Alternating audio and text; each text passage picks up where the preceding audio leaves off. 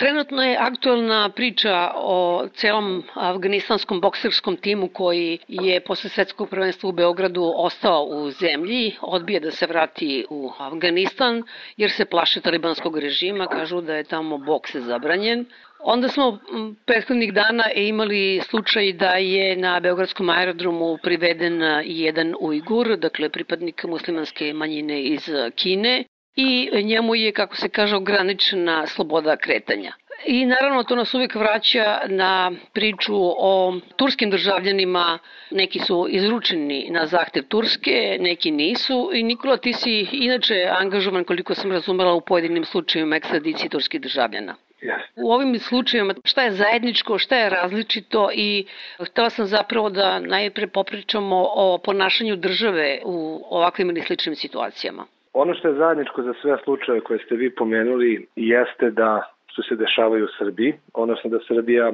i geografski i politički ima jednu poziciju koja podrazumeva da kroz nju prolaze i izbjeglice iz Afganistana, Iraka i Sirije, ali da u nju vrlo često zbog bezviznog režima dolaze i ljudi iz Turske, iz Kine, i iz nekih drugih zemalja u kojima potencijalno mogu da postoje ozbiljni politički problemi. Kada je reč o Afganistancima, oni, ajde da kažem, nisu ništa iznenađujući. Nije neobičajeno da sportisti, čak i na olimpijadi, vrlo često kada to bude jedini način da izađu iz zemlje, odluče da jednostavno nestanu iz olimpijskog sela, zatraže azil, pokuše da odu u neku od zemalja u kojima bi jednostavno njihova ljudska prava i slobode mogla daleko, na daleko bolji način da se uživaju. Dok sa druge strane slučaj ovog Ujgura, slučaj različitih ljudi koji spadaju u kategoriju kurskih političkih aktivista, Erdoganovih neistomišljenika i slično, praksa prema tim ljudima je po mom dubokom uverenju i dalje nezadovoljavajuća iz prostog razloga što i dalje naši nadležni organi kada stupe u kontakt sa nekim koji je pobegao iz zemlje porekla, koji je u riziku od progona, koji je možda bio žrtva mučenja ili koji je možda u svojoj zemlji porekla kao što je Turska osuđen, a ta osoba je zasnovana na izvođenim priznanjima, i dalje srpske organe ne uzimaju za ozbiljno određene okolnosti određenih ljudi i zbog toga često u svom radu prave situaciju u kojima se stvara rizik da se ti ljudi vrate nazad ili se ti ljudi vraćaju nazad. Ako se vratimo na Džede Tajaza, možda je to najplastičniji mogući primer kako su sudovi i tužilaštva po automatizmu sprovodili taj postupak ekstradicije bez da su pokušali da saznaju a šta je to iskustvo Džede Tajaza u Turskoj pre nego što je došao u Srbiju, to je da li je mučen, da li je imao pravično suđenje nije a još su se manje trudili da saznaju šta će mu se desiti ako ga opet vrate u ruke Turske. I to je rizik koji uvijek postoji u odnosu na različite ljude. Evo danas je to taj Ujgur iz Kine, koji je, koliko se nazumeo, visoko, aj kažemo na high profile politička ličnost, barem za zajednicu Ujgura, koji već dugo vremena živi u Turskoj i neki podaci koji su ovaj se pokazali u javnosti jeste da su se čak i kineske vlasti u Beogradu raspitivale za njega. I ono što je osnovno pitanje jeste koliko takvih ljudi ima, da li svako njih dovoljno te sreće da su odnosno na njih stupi u kontakt sa nekom od lokalnih nevladinih organizacija kojim onda pružaju pomoć i da li Srbija može više da uradi kako bi jednostavno njeni organi samostalno znali da se staraju o interesima zabrane mučenja različitih ljudi koji se nađe na njenoj teritoriji bez pomoći nevladinog sektora ili individualaca koji se bave ovom temom ljudi su zaboravili od svega što se dešava, znači kad si pomenuo Dževdeda Ajaza, dakle on je u Turskoj osuđen a, tako na 15 godina, njega je Srbija uprkos apelima izručila i on je tamo na izdržavanju kazne trenutno. I da li se Srbija ili neki njen organ nikada raspitivala o tome ili naš zaštitnik građana, šta je sa tim čovekom? A kada govorimo o Džedetu Azu, to je jedan mučan čovek kome svaki organ Republike Srbije sa kojim je on došao u kontakt sam ili preko svojih pravnih zastupnika povredio prava.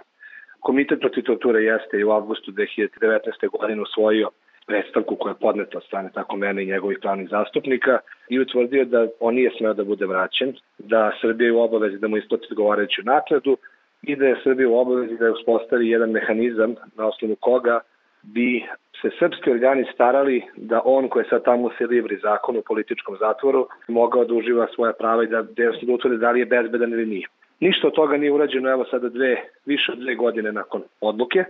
Pred četiri dana Komitet protiv torture Ujedinjenih nacija to je eksplicitno naveo u svojim završnim razmatranjima na izvešta Republike Srbije i kako da kažem u odnosu na tog čoveka niti mu isplaćen novac, što je nekako najjednostavnija stvar, ako ništa drugo Srbija uvek umela da plati odštetu za povrda ljudskih prava, to ni ovde nije slučaj, a ono što je po meni daleko gore jeste da se još uvek nije preduzelo ništa kako bismo bili sigurni da te sudije, tužioci koji treba da postupaju budući slučajne sredicije neće ponoviti istu grešku, a da ne pričamo o tome da niko nikada nije snosio odgovornost za svoj narad u tom slučaju, jer ja mislim da tu postoji prostor i za pravnu i za političku odgovornost. Sada već zaboravljena Nela Kuburović, koja je javno rekla da je se samo sat vremena donela rešenje o ispunjenosti uslova za ekstradiciju gospodina Ajaza. Gospodin Pašalić koji ja mislim bacio taj predmet negde u neki arhiv kao što su bačeni mnogi drugi predmeti od kada je on izabran za zaštitnika građana je takođe pokazao da ne možemo da govorimo o čoveku koji je na čelu nezavisne institucije, već na čelu jedne institucije koja je tekako zarobljena i služi da relativizuje sve ozbiljnije probleme vezane za ljudska prava i slobode. Tako da slučaj Džavde Tajaza nije samo slučaj u kome taj mučeni čovek izgubio mnogo, to je slučaj kroz koji se zapravo vidi na kom nivou razvoja su institucije koje treba da štite neke norme koje, kako mi to pravnici kažemo, su sastavni deo međunarodnog običajnog prava. Da se vratimo samo na slučaj ovog Ujgura, dakle on je, kako kažu, ograničena mu je sloboda kretanja, šta to znači? To znači uhapšen? Što se njega tiče, on njemu nije ograničena sloboda kretanja, kako to mm. kaže čak i naš zakon o strancima, jer ono prihvatiš za strance, on je više slobode. Znate, prihvatilište za strance nije tipičan zatvor, to je mesto na kome se odvode stranci koji treba da se deportuju, da se prinudu udalje, da se prekršeno kazni i tako dalje, nemaju boravak i postoji rizik da će otići. Međutim, kada uđete tamo, isto je kao da ste ušli i u Padinsku skelu, zatvor koji se nalazi odmah preko puta, pošto su oni u istom dvorištu. Da, to je zatvorska ustanova. Tako da suštinski on je lišan slobode i on je, verovatno, znači on može biti u prihvatilišu strance zbog tri razloga. Prvi je da mu se utvrdi identitet, što mislim da nije slučaj, to je čovjek koji ima svoj pasoš i svi znaju ko je on. Drugi je da bi se spravilo prinudno vraćanje, koje potencijalno može da bude u Tursku i to mislim da nije loše s obzirom da on tamo živo i da je bio bezbedan. I treće je da bude tamo dok traje postupak azila, zašto još uvijek nemamo dovoljno informacije. Ono što je suština jeste da za sada on nije u postupku ekstradicije i da postoji velika verovatnoća da će mu biti omogućeno da se vrati u Tursku, ipak treba biti oprezan i dobro je što se kolege bave tim i što prate šta se dalje dešava sa njim, s obzirom da kako su je tako ovaj, neke međunarodne organizacije istakle reči o jednom visokoprofilnom ujgurskom političkom aktivisti. Kad si pomenuo vraćanje u Tursku, on je tamo živeo 10 godina, međutim i Turska u kojoj živi, koliko sam me razumela, nekada oko 50.000 Ujgura koji su pobegli iz Kine, zanimljivo je da i oni, se češće se govori, zbog dobrih ekonomskih odnosa sa Kinom, nisu tako benevolentni sada prema Ujgurima i navodno ih pošalju u treću zemlju, dakle je mnogo lakše da se radi ekstradicija Kini. Da, ovaj, nemam baš dovoljno podataka za tu, ajde kažemo za taj dizajn treće zemlje pa ekstradicija, ali ono što sa sigurnošću znam jeste da sam ja u svojoj uh, karijeri nilazio na slučaju Ujgura koji su prolazili preko Turske i da u odnosu na Tursku su morali su da napuste Tursku iz prosto razloga što su se našli u riziku direktnog vraćanja u Kinu. Po izveštajima koje sam ja tada analizirao 2019. godine u pogledu položaja Ujgura u Turskoj, postoje brojni izveštaji koji govore o njihovom nepovoljnom položaju tamo, ali u situacijama kada su vraćani nazad u Kinu, jer su bili na potemnici Interpolove, na primjer, kineskih policijskih vlasti. I to je ono što takođe mora ozbiljno da se uzme u obzir, odnosno zašto je taj čovek odlučio da napusti Tursku i da se nađe na razumu Nikola Tesla. Da li se on možda našao u toj situaciji, da sada kažem, ja nemam dovoljno podataka o tome, ali ono što je sigurno jeste da ovaj, se uopšte ne bih čudio da bilo ko, pa tako ni Srbija, ni Turska, ni Mađarska, ni bilo koja druga zemlja u okruženju u kome je sporno da li postoji vladavina prava, da li postoji zagarantovano poštovanje ljudskih prava, jednostavno treba da se utvrdi da li taj čovek ima sve procesne garancije da ne bude vraćen nazad. U zapadnim zemljama i Sjedinjenim američkim državama, Velikoj Britaniji i Kanadi sve češće govore pominju termin čak genocid nad Ujgurima u Kini, ali u svakom slučaju tamo je postoji jedan trend, dakle, osuđivanja ponašanja kineske države prema Ujgurima koji su smešteni u tim kampovima ili Kako kažu kinezi, to su mesta za stručno osposobljavanje radi otklanjanja da, da. islamističkog ekstremizma i separatizma, ali bottom line je da je Srbija stala uz Peking odnosno da je podržala deklaraciju kojim se kršenje ljudskih i manjinskih prava i gura definiše kao borba protiv terorizma i ekstremizma. E, odlično ste završili vaše pitanje, jer čim čujem borba protiv terorizma i ekstremizma, vidim jedno široko polje za politiku. I nažalost ta definicija šta je terorizam postoji, ona je dosta usko data u međunarodno pravnim okvirima, međutim brojne zemlje pokušavajući na taj način da opravdaju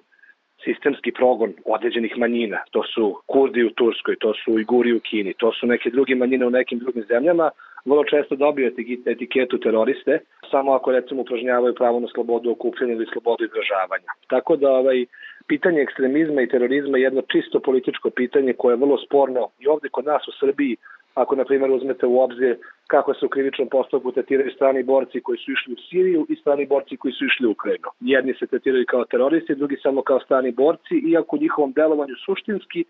ne postoji mnogo toga što je različito, možda različita religija i pobuda iz kojih su išli, ali njihovo samo delovanje tim ratištima. Tako da ovaj,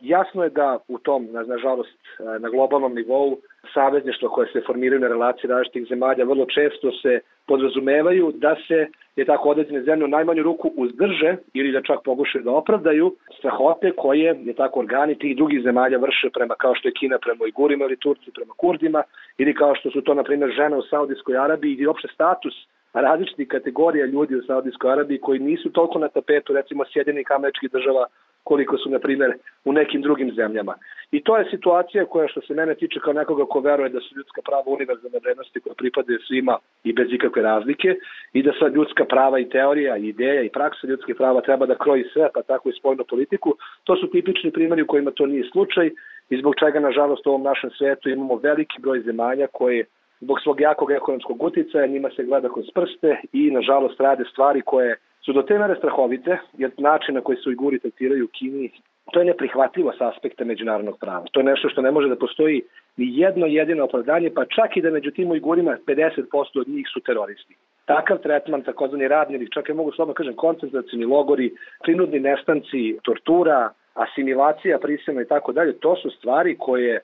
ja sad kažem, nemam dovoljno podataka da bi to kvalifikovao kao genocid, ali jeste svakako zločin svetskih razmera koji podrazumeva odgovornost i celokupnog političkog vrha, ali i svih onih je tako ovaj, koji u tome neposredno učestvuju. Naravno, to čemu ja sada pričam je nešto što piše u knjizi iz međunarodnog prava, što verovatno zbog pozicije Kina nikad neće zaživeti, ali je to nešto što ne sme ni jedna država, pa tako ni Srbija, da ignoriše kada se na njenoj teritoriji nađe bilo ko od tih ljudi. Da li je Kurd, da li je Ujgur, da li je pripadnik neke druge manjine koja je tlačena u bilo kojoj zemlji na svetu, jasno je da oni kada dođu ovde i po međunarodnom pravu i po našem ustavu i po našim zakonima i te kako imaju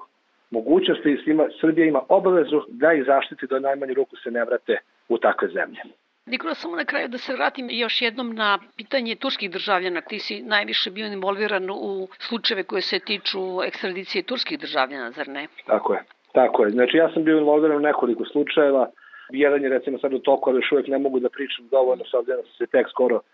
u njega umešao, ali ono što mogu da kažem jeste da je taj nesreći slučaj Džavde da treba biti pošten neći do nekle popravio situaciju, s obzirom da nije baš svaki kurdski politički aktivista koji se našao ovde izručen, to je pokazuje najnovije istraživanje koje je sproveo radio Slobodna Evropa,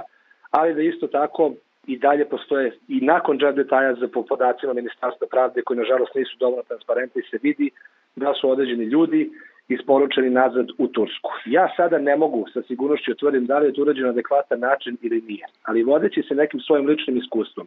kako iz predmeta Džadeta ali tako iz jednog sastanka koji sam nakon toga imao sa svim sudijama i tužiocima koji postupaju u postupku ekstradicije, kod njih definitivno postoji potreba da se na itekako temeljan način osposobe da ekstradiciju sprovode ne samo na, na tehnokratskom nivou kao što je to ja mislim i dalje slučaj, već i na nivou da oni shvataju Oni moraju da cene da li će se čovek kada se vrati tamo, da li će biti ubijen, da li će biti mučen, da li će biti arbitrano lišen slobode, da li će mu biti uskraćena politička prava na slobodu izražavanja, na okupljanja, delovanja i tako dalje, da li će ako je bolestan da se leči. To su sve stvari koje organ koji donosi odluku o nečijem vraćanju iz jedne zemlje u drugu mora da uzme u obzir pre nego što jednostavno ukonča taj postupak i kaže e sada te vraćamo nazad. Nažalost u Srbiji to nije slučaj i mora još mnogo toga da se radi, mora mnogo da se radi na tim takozvanim diplomatskim individualnim garancijama koje država mora da počne da zahteva od svake zemlje koja traži da se neko preda od strane Srbije i to je nešto što je mislim da je kada pogledam sada kako je stanje stvari, dug je put pred nama dok e, ekstradicijni postupak u Republici Srbiji ne počne da se sprovodi na način da poštuje sa jedne strane interes da neko koji učinio nešto loše u nekoj zemlji ne izbjegne pravdu, ali daleko pretežni interes, a to je da taj pojedinac, makar god da ima garanciju da će se prema njemu postupati u skladu sa standardima ostvarivanje zaštite ljudskih prava. Znači, taj balans između bezbednosti i ljudskih prava mora da bude mnogo bolje uspostavljen i on mora da bude harmoničan, zato što interes bezbednosti mora da se kroji u skladu sa idejom ljudskih prava. Ukoliko bezbednost preteže u odnosu na ljudska prava, onda imamo situaciju kao što su Ujguri u Kini, kao što su Kurdi u Turskoj ili kao što su ne znam nijako u kojoj zemlji i u takvoj situaciji će i naša zemlja, ali nažalost i brojne druge zemlje zbog tih geopolitičkih igara, često zanemarivati interese i prava pojedinaca nastav nekih političkih interesa koji vrlo često ovaj nemaju svoje utemeljenje u onome što je međunarodno pravo koje ih obavezuje, bez obzira da li su ili nisu potpisnici ili da su ratifikovali neku konvenciju Ujedinih nacija ili Saveta Evrope. Nikola, mnogo hvala na ovom razgovoru. Hvala vama.